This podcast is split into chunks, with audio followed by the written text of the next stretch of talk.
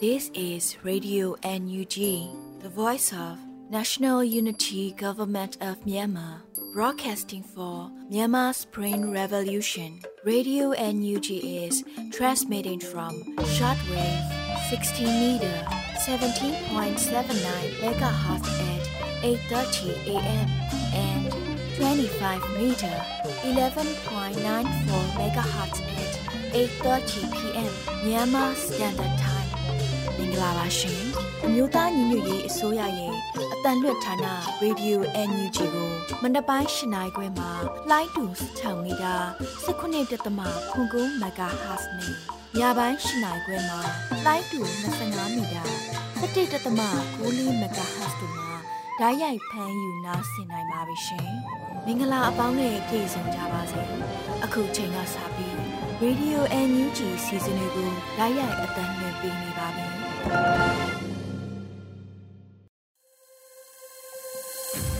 မြန်မာနိုင်ငံသူနိုင်ငံသားအပေါင်းတဘာဝပြီးဆရာနာရှင်ပြီးတို့ကနေကင်းဝေးပြီးကိုစိတ်နှစ်ပါးပြီးကင်းလုံခြုံကြပါစေလို့ရေဒီယိုအန်ယူဂျီဖွယ်သားများကဆုတောင်းနေတာပို့သလိုက်ရပါတယ်ရှင်။ခုချိန်ကစပြီးကာကွယ်ရေးဝန်ကြီးဌာနရဲ့စီးသတင်းချင်းချုပ်ကိုတော့လူဦးလင်ကမှဖတ်ကြားတင်ပြပေးပါရမရှင်။ကာကွယ်ဝင်ကြီးဌာနအမျိုးသားညီညွတ်ရေးဆိုရမှ 19ရက်ဇွန်လ2022ခုနှစ်ထုတ်ဝေတဲ့စစ်ရေးသတင်းချင်းချုပ်ကိုတင်ဆက်ပေးတော့မှာဖြစ်ပါတယ်။စစ်ကောင်စီတပ်သား19ဦးကြာဆုံးပြီး16ဦးထိခိုက်ဒဏ်ရာရရှိခဲ့ကြောင်းသတင်းရရှိပါတယ်ခင်ဗျာ။စစ်ကောင်စီနဲ့တိုက်ပွဲဖြစ်ပွားမှုသတင်းတွေကိုတင်ဆက်ပေးကြပါမယ်။မွန်ပြည်နယ်မှာဇွန်လ18ရက်နေ့ည7:55မိနစ်အချိန်ခန့်ကဘီလင်းမြို့နယ်ရင်းအောင်ကျေးရွာအနီးနားမှာစစ်ကောင်စီရင်တဲ့အား KNL တရင်နှစ်ကမိုင်းဆွဲတိုက်ခိုက်ခဲ့ကြောင်းသတင်းရရှိပါရခင်ဗျာ။စကိုင်းတိုင်းမှာဇွန်လ19ရက်နေ့မနက်9:45မိနစ်အချိန်ခန့်ကမုံရွာမြို့နယ်မုံရွာမြို့တနေရာမှာစစ်ကောင်စီရဲတပ်သားများနဲ့ပြည်သူ့ကာကွယ်ရေးတပ်သားများထိတွေ့တိုက်ပွဲဖြစ်ပွားခဲ့ရာစစ်ကောင်စီရဲတူးတေဆုံးခဲ့ပြီးတူးထိကြိုက်ဒဏ်ရာရရှိခဲ့ကြောင်းပြည်သူ့ကာကွယ်ရေးတပ်သားတဦးတေဆုံးခဲ့ကြောင်းသတင်းရရှိပါရခင်ဗျာ။ပဲခူးတိုင်းမှာဇွန်လ18ရက်နေ့နေ့လယ်ပိုင်းက ပဲခူးရိုးမတောင်ကြီးမှာပြည်သူ့ကာကွယ်တပ်မတော် PKI PDF တရင်3601တက်ခွဲ1နဲ့တက်ခွဲ2တရင်3602တက်ခွဲ2နဲ့တက်ခွဲ4တို့ပူးပေါင်းစစ်စင်ရေးဆောင်ရွက်ခဲ့ရာစစ်ကောင်စီတပ်သား18ဦးသေဆုံးခဲ့ကြောင်းသတင်းရရှိပါရခင်ဗျာဆက်လက်ပြီးစစ်ကောင်စီကကျူးလွန်တဲ့ရာဇမှုတွေကိုတင်ဆက်ပေးကြပါမယ် ကချင်ပြည်နယ်မှာဇွန်လ19ရက်နေ့နေ့လယ်12နာရီခန့်ကဖားကန်းမြို့နယ်ဖားကန်းမြို့မှော်ပုံမတဲ့ရန်ကျွာမှာဒေါအောင်ဆန်းစုကြည်ရဲ့အသက်89နှစ်ပြည့်မွေးနေ့ကျင်းပနေချိန်စစ်ကောင်စီတပ်ကလက်နက်ကြီးနဲ့ပစ်ခတ်ခဲ့တဲ့အတွက်ကြောင့်ပြည်သူသုံးဦးကြီးစားထိမှန်တရားရရှိခဲ့ကြောင်းသတင်းရရှိပါရခင်ဗျာ ချင်းပြည်နယ်မှာဇွန်လ18ရက်နေ့မနက်အစောပိုင်းကဟာခါမြို့နယ်ဟာကာမြို့စစ်ကောင်စီစစ်စေးဂိမ်းမှာ CDF တပ်ဖွဲ့ဝင်ဟုဆွဆွဲကချင်းမျိုးသမီး၃ဦးကိုစစ်ကောင်စီများကဖမ်းဆီးခဲ့ကြောင်းသတင်းရရှိပါရခင်ဗျာ။စကိုင်းတိုင်းမှာဇွန်လ18ရက်နေ့နေ့လယ်တနာရီခန့်ကစကိုင်းမြို့နယ်စကိုင်းမြို့ပိုးဒန်ရက်ကွယ်သူတမရက်ကောင်းဆန်ဟိန်မိုဘိုင်းဖုန်းဆိုင်မှာဆိုင်ရှင်ကြီးမလေးဦးကိုစစ်ကောင်စီများက လာရောက်ဖမ်းဆီးသွားခဲ့ပြီးညနေပိုင်းမှာတူးပြန်လည်လွတ်မြောက်လာခဲ့ကြောင်းသတင်းရရှိပါရခင်ဗျာ။တနင်္သာရီတိုင်းမှာဇွန်လ18ရက်နေ့ညနေ6:29မိနစ်အချိန်ခန့်ကလောင်းလုံမြို့နယ်တီစစ်ရွာတဲမှာစစ်ကောင်စီတပ်သားများရောက်ရှိနေပြီးတီစစ်ရွာတော်ရင်ပိုင်းမှာပြည်သူ9ဦးဖြစ်တဲ့ဦးရွှေဦးဦးငွေသားမောင်ကျော်မရှမ်းမတမတ်အမည်မသိရသည်မရှမ်းမမြေအမည်မသိရသေးတို့ကိုဖမ်းဆီးထားခဲ့ကြောင်းသတင်းရရှိပါရခင်ဗျာ ယခုတင်ဆက်သွားတဲ့သတင်းတွေကိုမြေပြင်သတင်းတာဝန်ခံများနဲ့သတင်းဌာနတွေမှာဖော်ပြလာတဲ့အချက်လက်တွေပေါ်အခြေခံပြုစုထားခြင်းဖြစ်ပါတယ်။ကျွန်တော်ကတော့ຫນွေဦးလင်ပါပါ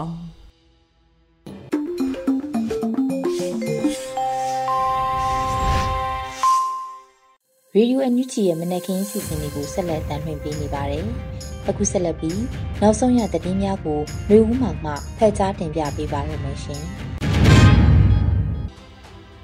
မင်္ဂလာပါခင်ဗျာ။ယခုချိန်ကစပြီး Radio NUG မနက်ခင်းသတင်းများကိုဖတ်ကြားတင်ပြပေးပါရမယ်။ယခုတင်ဆက်မဲ့သတင်းများကို Radio NUG သတင်းတာဝန်ခံတွေနဲ့ခိုင်လုံသောမိဖက်သတင်းရင်းမြစ်တွေမှာအခြေခံထားတာဖြစ်ပါတယ်။ကျွန်တော်ကတော့ຫນွေဦးမှာပါခင်ဗျာ။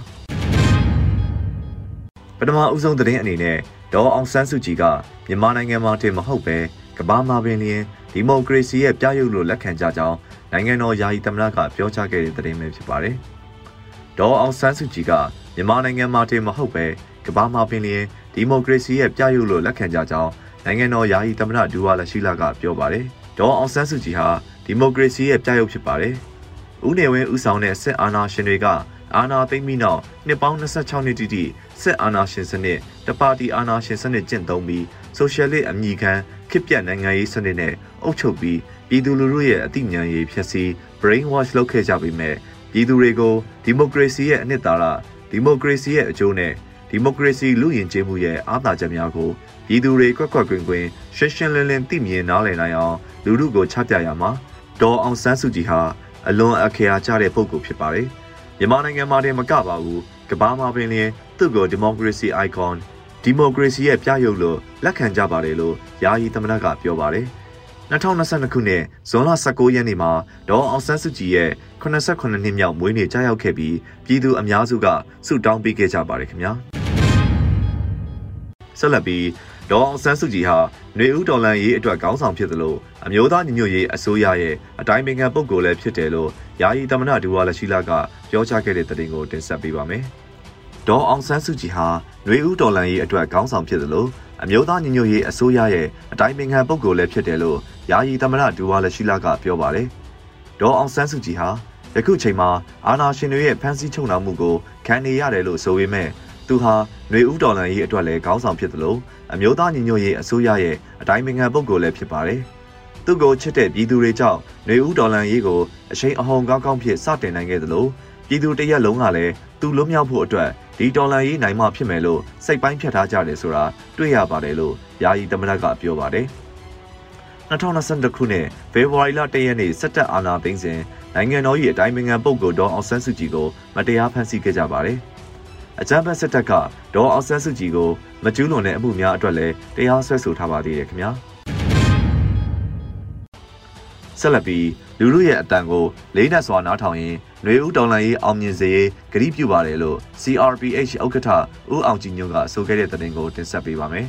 ။လူလူရဲ့အတန်ကိုလေးနက်စွာနားထောင်ရင်ຫນွေဦးတော်လန်ရေးအောင်မြင်စေရေးဂရုပြုတယ်လို့ CRPH ဥက္ကဋ္ဌဦးအောင်ကြည်ညွန့်ကပြောပါတယ်။ရွေးကောက်ခံကိုယ်စားလှယ်များကိုစားပြုပြည်ထောင်စုလွှတ်တော်ဥက္ကဋ္ဌအနေနဲ့ဂရုပြုပြောကြားလိုတာကတော့ပြည်သူလူထုက ယုံကြည်စွာမဲပေးပြီးရွေးကောက်တင်မြှောက်ထားတဲ့လုတ်ပိုက်ခွင့်ကိုရိုကြိုးစွာကျင့်သုံးပြီးတော့လူထုရဲ့အတန်ကိုနားထောင်ရင်းຫນွေဦးတော်လန်ရေးအောင်မြင်စေရေးကိုပိုင်ညံစွမ်းရှိသည့်ဆက်လက်ဆောင်ရွက်ပါမယ်လို့ဦးအောင်ကြည်ညွန့်ကပြောပါတယ်။ပြည်ထောင်စုလွှတ်တော်ကုစားပြုကော်မတီကနေတန်တမန်ရေးရာနဲ့ပြည်သူရေးရာများကိုຫນွေဦးတော်လန်ရေးကာလအတွင်းမှာကြိုးပမ်းဆောင်ရွက်လျက်ရှိပါတယ်။ဒါအပြင်အခွန်အကောက်ဥပဒေနဲ့ရဲတပ်ဖွဲ့ဥပဒေတို့ကိုလည်းအတည်ပြုပေးနိုင်ခဲ့ပါတယ်ခင်ဗျာ။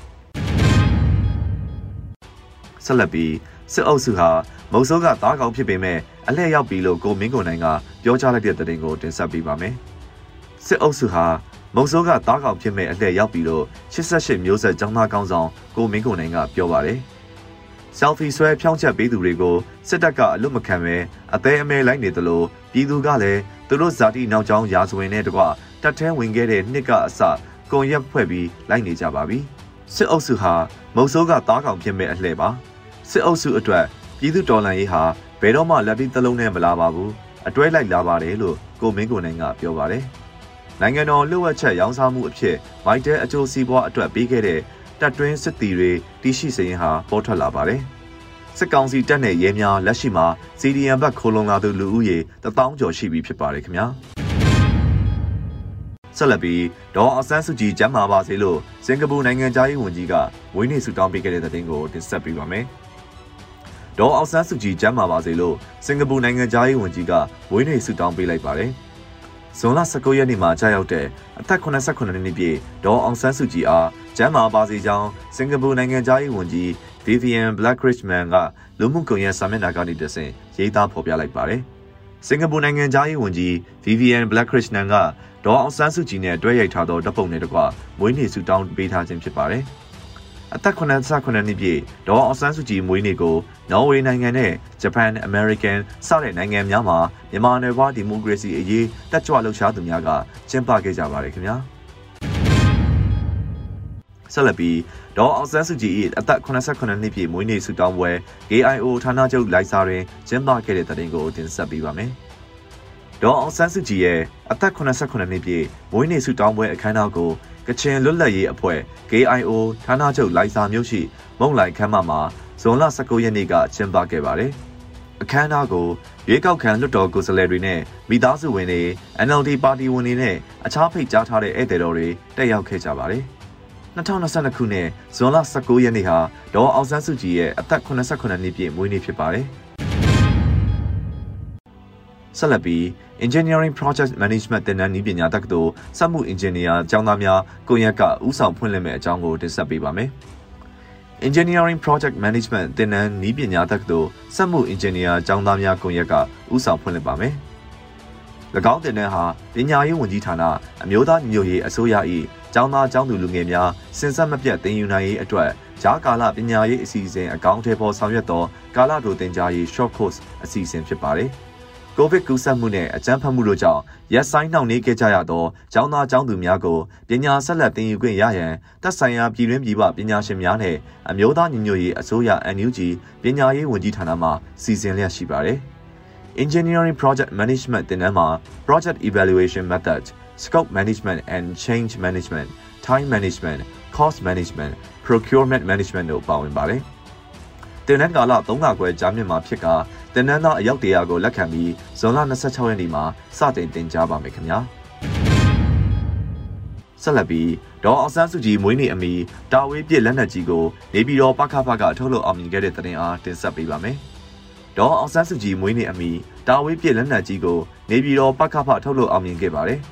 ပြည်သူ့ကာကွယ်ရေးအဖွဲ့နေပြည်တော်စစ်ရေးတောင်ဝန်ခံဗိုလ်ဒေဇာနဲ့ရဲဘော်များမှအမေတော်အောင်ဆန်းစုကြည်မွေးနေ့အမီတာဝေးပြစ်လက်နက်ကြီးကိုကိုယ်တိုင်ထုတ်လုပ်ခဲ့ပါတယ်။ လက်နက်ကြီးရဲ့အမည်ကို Phoenix Fighter 001ဖကဖ MPD လို့အမည်ပေးထားပါတယ်။စစ်ကြုံဘဝကနေပြည်သူတရက်လုံးလွတ်မြောက်ရေးအတွက်အစွမ်းကုန်စ조사သွားပါမယ်လို့နေပြည်တော်ပကဖတာဝန်ခံကပြောပါတယ်။ဆက်လက်ပြီးရေစကြိုမြို့နယ်မူကားကို PDF ကတင်စီခဲ့တဲ့တဲ့ငါတင်ဆက်ပေးပါမယ်။မကွေးတိုင်းရေစကြိုမြို့နယ်ကမြို့နယ်မူကားကို PDF ကတင်ဆက်လိုက်ပါတယ်။ဇွန်လ18ရက်နေ့မှာ Arquix People Defense Force မှသတင်းထုတ်ပြန်ပါတယ်။ မနေ့ကမနက်ပိုင်းအချိန်တွင် Arctic People Defense Force မှရေစကြိုမြို့နယ်မူကားအားထိမ့်သိမ်းဖမ်းဆီးသိမ်းယူနိုင်ခဲ့ပါတယ်။ရေစကြိုမှပခုတ်ကူတို့ထိုကားသွာလာမှုကိုရက်20ကျော်ကြာအောင်စုံစမ်းစစ်ဆေးခဲ့ရပါတယ်။မြို့နယ်မူလက်အောက်ခံရဲများပြူများလာရောက်ပြုပြင်နေတယ်လို့သတင်းရရှိသောကြောင့်ပြစ်ခတ်ရန်လှုပ်ဆောင်ခဲ့တော်လဲရဲများပြူများရှိမနေသောကြောင့်မြို့နယ်မူကားအားဒေါ်လာရေးအတုံးအဆောင်အဖြစ်ဖမ်းဆီးထိမ့်သိမ်းလိုက်ပါတယ်လို့ Arctic People Defense Force ကပြောပါတယ်။ Arctic People Defense Force ဟာ တပ်နဲ့ရဲများအားအသက်နဲ့ရင်းပြီးတော်လန်ရေးကိုအရှိန်မြင့်စွာဆောင်ရွက်လျက်ရှိနေပါတယ်ခင်ဗျာဆက်လက်ပြီးကတာမြို့နယ်ပလေရွှေကျေးရွာကိုအကြမ်းဖက်စစ်တပ်ကစစ်ကြောင်းထိုးရာလက်နက်ကြီးဖြင့်ရန်တမ်းပစ်ခတ်၍အရတားအမျိုးသမီးတဦးသေဆုံးခဲ့တဲ့တဲ့တင်ကိုတင်ဆက်ပေးပါမယ်ကတာမြို့နယ်ပလေရွှေကျွေးရွာကိုအကြမ်းဖက်စစ်တပ်ကစစ်ကြောင်းထိုးရာလက်နက်ကြီးဖြင့်ရန်တမ်းပစ်ခတ်၍အရတားအမျိုးသမီးတဦးသေဆုံးခဲ့ပါတယ်။ဇွန်လ19ရက်နေ့ကကတာမြို့ပေါ်ကအင်အားတရာပါတဲ့စစ်ကြောင်းဟာ ပလေရွှေကျွေးရဘက်ကိုဇက်နဲ့ကူးခဲ့တယ်လို့ကတာပကဖကကပြောပါတယ်။စိတ်တန်းအတက်တွင်စစ်တပ်ကလက်နက်ကြီးဖြင့်ပစ်ခတ်၍စစ်ကြောင်းထိုးရာပလေရွှေကျွေးရမှာလေအိတ်တလုံးအားထိမှန်ပြီးအသက်30ကျော်အရွယ်အမျိုးသမီးတူသေဆုံးသွားပါတယ်။တစ်ချိန်တည်းတွင်နောက်ထပ်အကြမ်းဖက်စစ်တပ်အင်အားတရာကျော်ဟာပလေရွှေကရိုပိုင်ရှင်ဝင်းထွန်းရဲ့တန်ခွန်ဆက်လေကြီးနှစ်စီးဖြင့်ကြောက်ထုံးကြီးဘက်သို့စမ်းတက်နေတယ်လို့ကတာပခဖခဆိုပါတယ်။ပလေရွှေအင်ဒီယန်ဒုံးအော့ညိုင်းသားယာ အထက်တပန်းတောင်အောက်တပန်းတောင်ရေနီကြောက်ထုံကြီးနွေနီကျေးရွာများမှပြည်သူများဘေးလွတ်ရာသို့ရှောင်တင်းကြရန်ကတာပခပကအထုတ်ပြန်ပါတယ်ခင်ဗျာဆက်လက်ပြီးဗိုလ်ချုပ်မူကြီးဟောင်းတန်းရွှေအိမ်ကိုကြောက်ဆယ် KDDF ကလက်ပစ်ပုံတိုက်ခိုက်ရာချမ်းဆောက်စစ်သား2ဦးတိတ်ဆုံးနိုင်တဲ့တဲ့တင်ကိုတင်ဆက်ပေးပါမယ်။ဗိုလ်ချုပ်မူကြီးဟောင်းတန်းရွှေအိမ်ကိုကြောက်ဆယ် KDDF ကယနေ့လက်ပစ်ပုံပစ်ခတ်၍ချမ်းဆောက်စစ်သား2ဦးတိတ်နိုင်တယ်လို့ထုတ်ပြန်ပါတယ်။ ဇွန်လ19ရက်မန္တလေးတိုင်းကြောက်ဆယ်မြို့စုကုန်းရက်ကွက်ရှိစစ်အာဏာရှင်ဟောင်းဗိုလ်ချုပ်မူကြီးဟောင်းတန်းရွှေအိမ်တကားရှိစစ်ကောင်စီမှလုံခြုံရေးယူထားသောကင်းဂိတ်အားကြောက်ဆယ်ခရိုင်ကာကွယ်ရေးတပ်ဖွဲ့ KDDF မှဘုံပြင်းနဲ့တိုက်ခိုက်ခဲ့ပါတယ်။လက်ပစ်ဘုံနဲ့ပစ်တာပါ။ဒါပါနဲ့ဆိုသုံးချိန်ပေါ့။နှစ်ဦးတိန်နိုင်တယ်။သူတို့ကအကာအကွယ်မရှိဘူး။သူတို့ရှေ့ကြတာကျွန်တော်တို့ကအုတ်တတိုင်းကိုကာကွယ်ယူပြီးအနီးကပ်ပစ်လိုက်တာလို့ကြောက်ဆယ် KDDF တပ်ဖွဲ့ဝင်တအူးကပြောပါတယ်။ဧပြီလ22ရက်နေ့ကလည်း17:30မိနစ်အချိန်ကလည်းမ န္တလေးတိုင်းကြောက်ဆယ်မြို့စုကုန်းရက်ကွက်ရှိစစ်အာဏာရှင်ဟောင်းတန်းရွှေအိမ်အားလုံခြုံရေးယူထားသောစစ်ကောင်စီတပ်သားတို့မှုအားကြောက်ဆယ်ခရိုင်ကာကွယ်ရေးတပ်ဖွဲ့ KDDF မှလက်ပစ်ပုံပစ်ခဲ့ပါတယ်။အလားတူ2022ခုနှစ်ဖေဖော်ဝါရီလ24ရက်ကလည်းဗိုလ်ချုပ်မူကြီးဟောင်းတန်းရွှေရဲ့အိမ်တော်ရအဆောင်ဂိတ်ကိုလက်ပစ်ဘုံနဲ့ထုခဲ့တော့လဲဘုံအား၍မကွဲခဲ့ဘူးဖြစ်ပါတယ်ခင်ဗျာနောက်ဆုံးသတင်းအနေနဲ့ ကံကောမြို့နယ်တင်တော်ရွာအထွက်မှာအင်အား200ကျော်စစ်ကြောင်းမိုင်းခွဲတိုက်ခိုက်ခံခဲ့ရကစစ်ကောင်စီကတပ်သား9ဦးသေဆုံးခဲ့တဲ့သတင်းကိုတင်ဆက်ပေးပါမယ်။မကွေးတိုင်းကံကောမြို့နယ်တင်တော်ရွာအထွက်မှာအင်အား200ကျော်စစ်ကြောင်းမိုင်းခွဲတိုက်ခိုက်ခံရကစစ်ကောင်စီတပ်က9ဦးသေဆုံးခဲ့ပါတယ်။ဇွန်လ18ရက်နေ့မှာအင်အား200ကျော်စစ်ကြောင်းကိုတိုက်ခိုက်ခဲ့တာလို့ဂန်ကော Battalion YRPA တပ်ဖွဲ့ကပြောပါတယ်။ တောင်ခင်ရမ်းမှာညာအိပ်ပြီးရောက်ပတ်သို့ထွက်လာသောစစ်ကောင်စီတပ်200ကျော်အားတင်တောရွာအထွက်တွင် PDF 701 Gango Battalion YRPA တပ်ခွဲ3မှရဲဘော်အချို့နဲ့ပကဖမှရဲဘော်အချို့တို့ပူးပေါင်းကရှေ့ထွက်ပြောင်းများဖြင့်မိုင်းခွဲတိုက်ခိုက်ခဲ့ပါတယ်။စစ်ကောင်စီတပ်ဖွဲ့က9ဦးသေဆုံးကအချို့ထိခိုက်ဒဏ်ရာရရှိခဲ့ပါတယ်။ပြည်သူပို့တာတော်မြစ်တာကြောင့် PDF 701 Gango Battalion YRPA မှရဲဘော်များအထိခိုက်မရှိအောင်မြင်စွာစုခွာနိုင်ခဲ့ပါတယ်ခင်ဗျာ။ယခုတင်ဆက်ပေးခဲ့တာကတော့ Radio NUG မနက်ခင်းပြည်တွင်သတင်းများပဲဖြစ်ပါတယ်။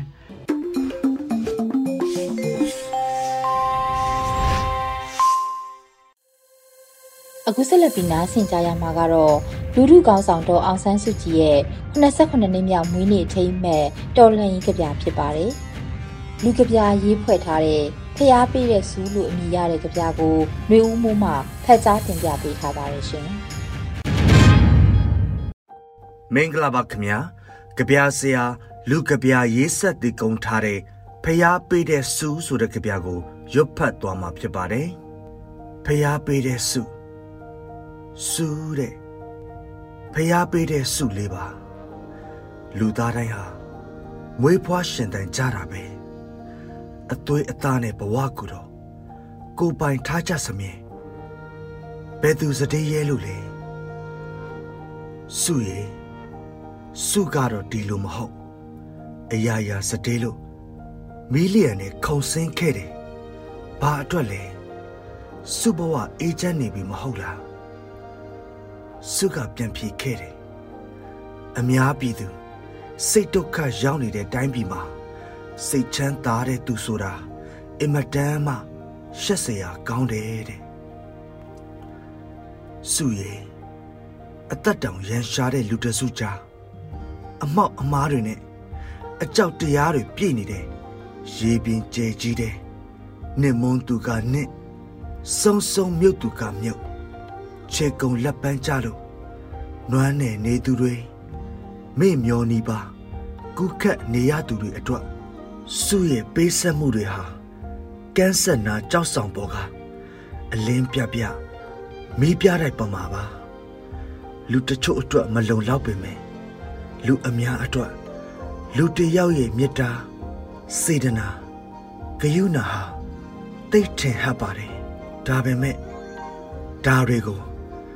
နှလုံးသားပါတဲ့လူတိုင်းတော့မခံစားတတ်ကြတာနားလည်ပေးပါစု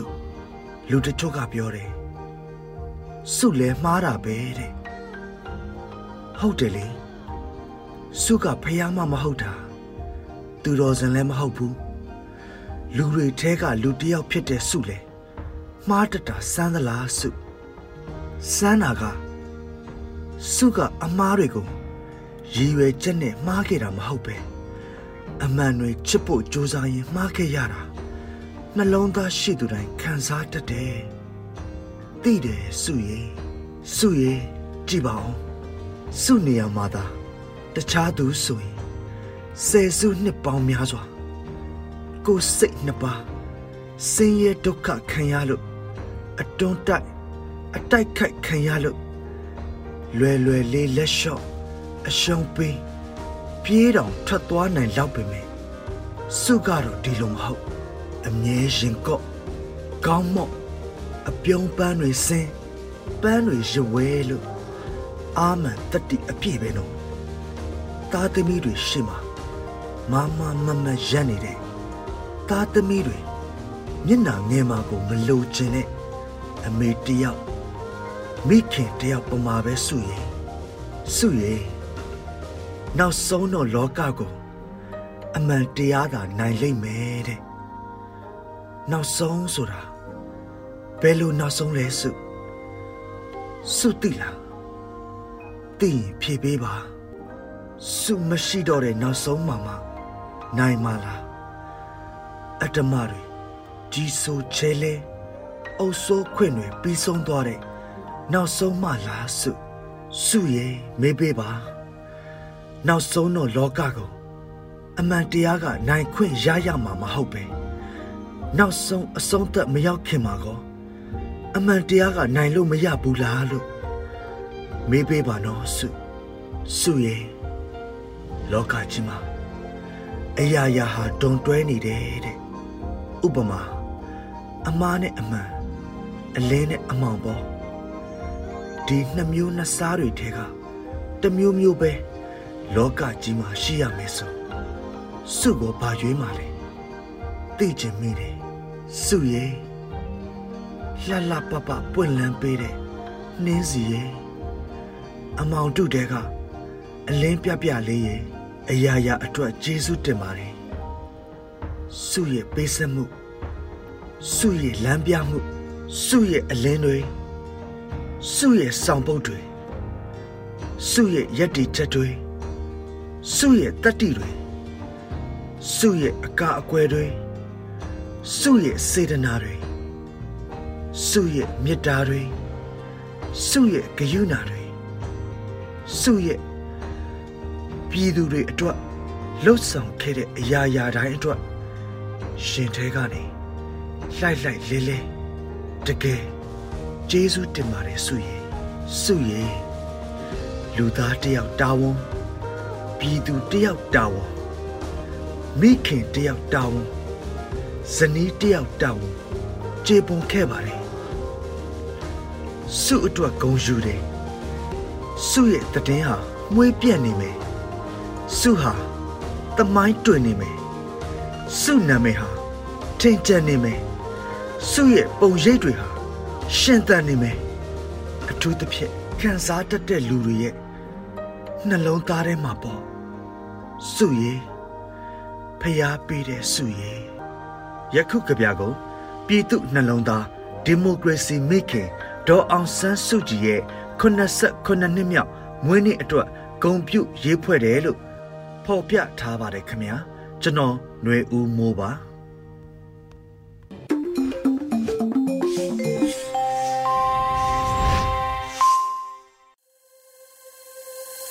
ရေဒီယိုအန်ယူဂျီမှာဆက်လက်တင်ပြနေပါတယ်။အခုတခါ PPTV ရဲ့နေ့စဉ်သတင်းများကိုမေတူးမှဖတ်ကြားတင်ပြပေးပါတော့မယ်ရှင်။အခုတင်ဆက်ပေးမှာကတော့ထိုင်းနိုင်ငံမဲဆောက်ရောက်မြန်မာပြည်သူတွေကလူလူကောင်းဆောင်ဒေါအောင်ဆန်းစုကြည်ရဲ့မွေးနေ့ပွဲကို စုပေါင်းကျင်းပပြီးအသက်ရှည်ကျန်းမာဖို့ဆုတောင်းပေးလိုက်တဲ့ဆိုတဲ့သတင်းမှာထိုင်းနိုင်ငံမဲဆောက်မြို့ကိုရောက်ရှိနေတဲ့မြန်မာပြည်သူလူထုတွေစုပေါင်းပြီးနိုင်ငံတော်ရဲ့အတိုင်ပင်ခံပုဂ္ဂိုလ်ဒေါအောင်ဆန်းစုကြည်ရဲ့89နှစ်ပြောက်မွေးနေ့ပွဲကိုဒီကနေ့ကျင်းပခဲ့ပါတယ်။ဒီအခမ်းအနားကိုလူဦးရေ200ကျော်တက်ရောက်ခဲ့ပြီးဒေါန်ဆန်းစုကြည်အသက်ရှည်ကျန်းမာဈေးဖို့ဆူတောင်းခဲ့ကြတယ်လို့မွေးနေ့ပွဲရောက်ရှိခဲ့သူတဦးကပြောပါတယ်။ မဲဆောက်မှာရောက်နေကြတဲ့မြန်မာနိုင်ငံသားတွေကနေလှုပ်ပေးတဲ့ပွဲပေါ့။ဒေါန်ဆန်းစုကြည်89နှစ်မြောက်မွေးနေ့သူတို့စုပေါင်းပြီးတော့ကျင်းပပေးတာသူတို့ကဖုန်ကြီးစွန့်ကတ်တဲ့ဒေါန်ဆန်းစုကြည်မွေးနေ့မှာအသက်ရာကျော်ရှေ့ပါစေဆိုပြီးဆုတောင်းတယ်လို့သူကပြောပါတယ်။ကရင်အမျိုးသားမီဒီယာကဖော်ပြခဲ့တဲ့ဒေါန်ဆန်းစုကြည်ရဲ့မွေးနေ့ပွဲရုပ်သံမှတ်တမ်းမှာလည်းအခမ်းအနားတက်ရောက်လာသူတဦးက ကျွန်တော်တို့မျှော်လင့်တာကအမေစုအသက်ရှည်ပြီးအမြဲတမ်းမှမှနေနိုင်ဖို့စုမကောင်းတောင်းပေးပါတယ်လို့ပြောကြားခဲ့ပါတယ်။လူလူကောင်းဆောင်ဒေါန်ဆန်းစုကြည်ရဲ့မွေးနေ့ရောက်တိုင်းပြည်တွင်းပြည်ပမှာရှိကြတဲ့မြန်မာပြည်သူများစွာကမွေးနေ့ပွဲကိုပုံစံမျိုးစုံနဲ့ကျင်းပပေးခဲ့ကြပါတယ်။အခုနှစ်မှာလည်းပြည်သူများစွာကဒေါ်ဆန်းစုကြည်နဲ့မတရားဖန်ဆီးခံထားရတဲ့ပြည်သူတွေချုပ်နှောင်မှအမြန်ဆုံးလွတ်မြောက်ဖို့ဆုတောင်းပေးခဲ့ကြပါတယ်ရှင်။ ဆက်လက်တင်ဆက်ပေးမှာကတော့နိုင်ငံတော်ရဲ့အတိုင်ပင်ခံပုဂ္ဂိုလ်ဒေါအောင်ဆန်းစုကြည်အသက်89နှစ်မြောက်မွေးနေ့ကိုတောင်ကိုရီးယားနိုင်ငံရောက်မြန်မာတွေကပြုလုပ်ခဲ့တဲ့ဆိုတဲ့သတင်းမှာအမျိုးသားညီညွတ်ရေးအစိုးရနိုင်ငံတော်ရဲ့အတိုင်ပင်ခံဒေါအောင်ဆန်းစုကြည်ရဲ့အသက်89နှစ်မြောက်မွေးနေ့ကိုတောင်ကိုရီးယားနိုင်ငံရောက်မြန်မာတွေကဒီကနေ့မှာအင်ချွန်းမြို့တော်ဘူဖြောင်းပူရာရှိကလွင်ပြင်မှာပြုလုပ်ခဲ့ကြပါတယ်။ မွေးနေ့ဆူတောင်းပွဲကိုကိုရီးယားနိုင်ငံ NUG ကိုယ်စားလှယ်ရုံးမှဥဆောင်စီစဉ်တာဖြစ်ပြီးတော့ NUG Supporting Korea ကပူးပေါင်းဆောင်ရွက်ခဲ့သလိုကိုရီးယားရောက်မြန်မာနိုင်ငံသားတွေအဖွဲ့အစည်းတွေနဲ့ကိုရီးယားအဖွဲ့အစည်းတွေတက်ရောက်ခဲ့ကြပါတယ်အခမ်းအနားကိုနေ့လယ်တနာရီမှာအမျိုးသားညီညွတ်ရေးအစိုးရငွေတိုက်စာချုပ်ရောင်းချတာတော်လိုင်းရင်အင်ဂျီတွေရောင်းချတာ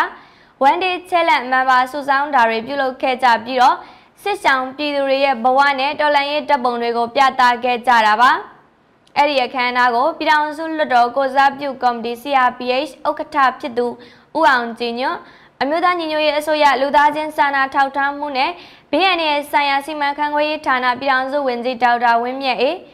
ကိုရီးယားနိုင်ငံကိုယ်စားလှယ်ဦးရန်နိုင်ထွန်းနဲ့တက်ရောက်လာကြတဲ့အဖွဲ့အစည်းတီတီကကိုယ်စားလှယ်တွေမိန့်ခွန်းပြောကြားခဲ့ကြပါတယ်။ဒါအပြင်စောသစ္စာဝါဒီကိုရီးယားကျောင်းဆရာတော်ဦးကုသလနဲ့ ဘူချွန်းမြန်မာမိတ်တဟာရအသင်းတော်ရဲ့လက်ထောက်သင်းအုပ်ဆရာမဒေါက်တာထန်လန့်ကျင်တို့ကမြန်မာပြည်လွတ်မြောက်ရေးနဲ့ငြိမ်းချမ်းရေးအတွက်ဘာသာပေါင်းစုံဆုတောင်းခြင်းကိုပြုလုပ်ခဲ့ကြပါတယ်။အခုတခါတင်ဆက်ပေးမှာကတော့အင်းစိန်ဗဟိုအကျဉ်းထောင်မှာဖမ်းဆီးထိန်းသိမ်းခံထားရတဲ့နိုင်ငံရေးအင်အားစုတွေကအရေးပေါ်ကြေညာချက်ထုတ်ပြန်လိုက်တဲ့သတင်းမှာ အင်းစိန်ဗဟိုအကျဉ်းထောင်မှာဖမ်းဆီးထိန်းသိမ်းခံထားရတဲ့နိုင်ငံရေးအင်အားစုတွေကဒီနေ့ရက်စွဲနဲ့အရေးပေါ်ကြေညာချက်တစ်စောင်ကိုထုတ်ပြန်လိုက်ပါတယ်။ထုတ်ပြန်ချက်ထဲမှာအင်းစိန်ဗဟိုအကျဉ်းထောင်မှာဖြစ်ပွားလျက်ရှိတဲ့ထောင်တွင်းညှဉ်းပန်းနှိပ်စက်မှုတွေနဲ့အကျဉ်းထောင်များအဥပဒေအကျဉ်းထောင်လက်ဆွဲဥပဒေပါပြဋ္ဌာန်းချက်တွေကိုစန့်ကျင်ပြီးဥပဒေမဲ့ဆောင်ရွက်နေတာတွေတေတံအမိန့်ချမှတ်ခြင်းခံထားရတဲ့နိုင်ငံရေးအကျဉ်းသား၄ဦးဟာ တေတံအတီးပြုတ်မိန့်နဲ့ကျိုးပေခွင့်မြင့်ရန်စီစဉ်နေတဲ့အခြေအနေတွေအပေါ်ဖန်စီထင်းသိမ်းခံထားရတဲ့နိုင်ငံရေးအင်အားစုတွေကထုတ်ပြန်ခဲ့တာလို့ဖော်ပြထားတာတွေ့ရပါတယ်။တောင်းဆိုချက်တွေထဲမှာအချက်၅ချက်ကိုအဓိကတောင်းဆိုထားတာတွေ့ရပြီးတော့အဲ့ဒါတွေကတော့လုံလောက်တဲ့ကျန်းမာရေးပြုစုမှုမရတာအပါအဝင်မိသားစုဝင်တွေကပေးပို့တဲ့တင့်လျော်တဲ့ဆေးဝါးတွေကိုမထုတ်ပေးဘဲတင်ထားတာနိုင်ငံရေးအားစုတွေကိုကျွေးမွေးတဲ့ အကျဉ်းထောင်ရိတ်ခါထမင်းဟင်းတွေကအလွန်ညံပြင်းပြီးအရက်သွေးမမီတဲ့အပြင်ရိတ်ခါအမဲနှုံထားတန်ဖိုးနဲ့ညညွတ်ချင်းမရှိလို့လုံလောက်တဲ့အာဟာရမရရှိတာတောက်ရည်နဲ့သုံးရည်ကိုလုံလုံလောက်လောက်စီစဉ်မပေးပဲရေတန်းဆက်ရှိပါလျက်နဲ့ရေရေသွေးညံပြင်းတဲ့တောက်ရည်သုံးရည်တွေကိုအသုံးပြုစေတာနဲ့တချို့အိတ်ဆောင်တွေကိုရေပေးဝေခြင်းမပြုဘဲတမင်ဖြတ်တောက်ထားတာနိုင်ငံရေးအင်အားစုတွေအပေါ်ခိုင်လုံတဲ့အကြောင်းပြချက်မရှိဘဲ အကျဉ်းထောင်အရာရှိတွေဝန်ထမ်းတွေနဲ့လက်ပါစေရာဇဝတ်အကျဉ်းသားတွေကလူစုလူဝေးနဲ့ရိုက်နှိပ်တာတိုက်ပိတ်ပြစ်ဒဏ်ပေးတာရာဇဝတ်အကျဉ်းသားတွေနဲ့ရောနောထားပြီးတော့ဥပဒေမဲ့လုပ်ရက်တွေလုပ်ခိုင်းတာနဲ့ဥကျင်မီခဥကျော်မင်းယူဥဖြိုးစရာတော်ခဥကျော်ဥလာမျိုးအောင်ခဥဝက်ကြီး ဥအောင်သူရဇော်ခဥကတုံးတို့ကိုဥပဒေနဲ့အညီခုခံကာကွယ်ပိုင်ခွင့်မပေးဘဲစစ်ခုံရုံးမှာအကျဉ်းနည်းနဲ့စစ်ဆေးပြီးတေတံမိန်ချမှတ်တာတွေကိုကန့်ကွက်တဲ့ဆိုတဲ့အချက်တွေဖြစ်ပါတယ်။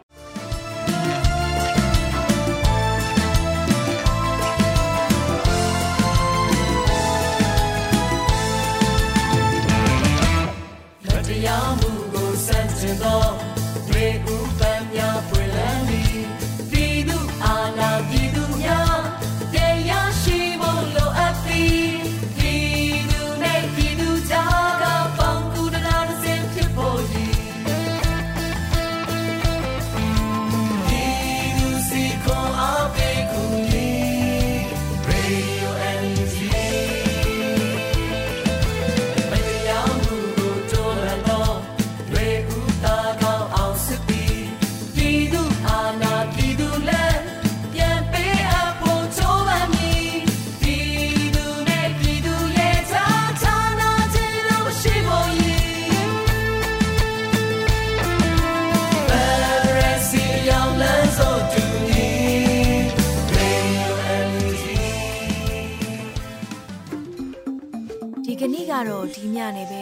ဒီယို NUG ရဲ့အစီအစဉ်လေးကိုခေတ္တရ延လိုက်ပါမယ်ရှင်။မြန်မာစံတော်ချိန်မနေ့၈နိုင်ခွဲနဲ့ည၈နိုင်ခွဲအချိန်တွေမှာပြောင်းလဲဆိုပြကြပါလို့ရှင်။ Radio NUG ကိုမနေ့ပိုင်း၈နိုင်ခွဲမှာလိုင်းတူ16မီတာ19.7မဂါဟတ်နဲ့ညပိုင်း၈နိုင်ခွဲမှာလိုင်းတူ25မီတာ17.6မဂါဟတ်တို့မှာဓာတ်ရိုက်ဖမ်းယူနားဆင်နိုင်ပါပြီရှင်။ မြန်မာနိုင်ငံသူနိုင်ငံသားများကိုစိတ်နှဖျားစမ်းမချမ်းသာလို့ဘေးကင်းလုံခြုံကြပါစေလို့ Radio NUG ရဲ့ဖွဲ့သူဖွဲ့သားများကဆုတောင်းလိုက်ရပါတယ်။ San Francisco Bay Area အခြေစိုက်မြန်မာမိသားစုများနဲ့နိုင်ငံတကာကစေတနာရှင်များလုံအားပေးမြရဲ့ Radio NUG ဖြစ်ပါတယ်ရှင်။အရေးတော်ပုံအောင်ရမည်